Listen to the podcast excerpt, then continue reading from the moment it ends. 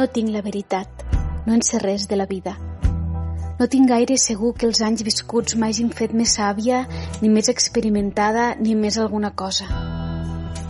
Hi ha moments de gran intensitat on sembla que el viure una eureka, però dura el mateix que dura una nit massa bonica.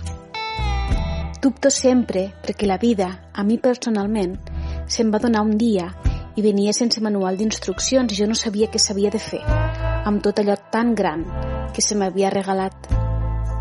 El cert, jo que presumeixo de no tenir certeses, és que igual no n'hi ha cap de realitat, almenys cap de la que ens han volgut amb tota la bona voluntat posar al cap.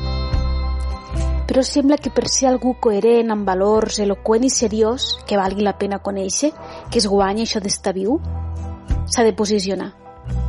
O si no, què?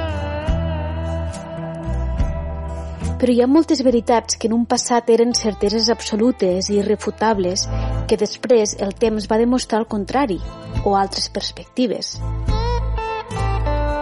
I una també pensa, quan encara no s'ha cremat, que posar la mà dintre de la foguera pot ser una bona idea, i una també pensa, quan té 15 anys, que l'amor és allò que ara sent. I no dic que no sigui cert, el que dic és que, que en sabem.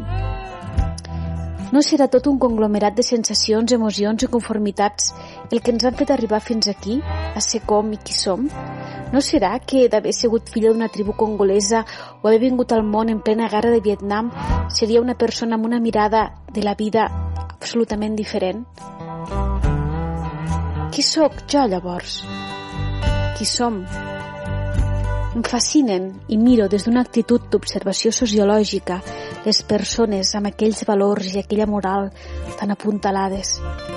A vegades voldria preguntar-los què passaria si deixessin anar tot això, com seria d'aterridor l'abisme que haurien de mirar si es desprenguessin del que creuen que saben.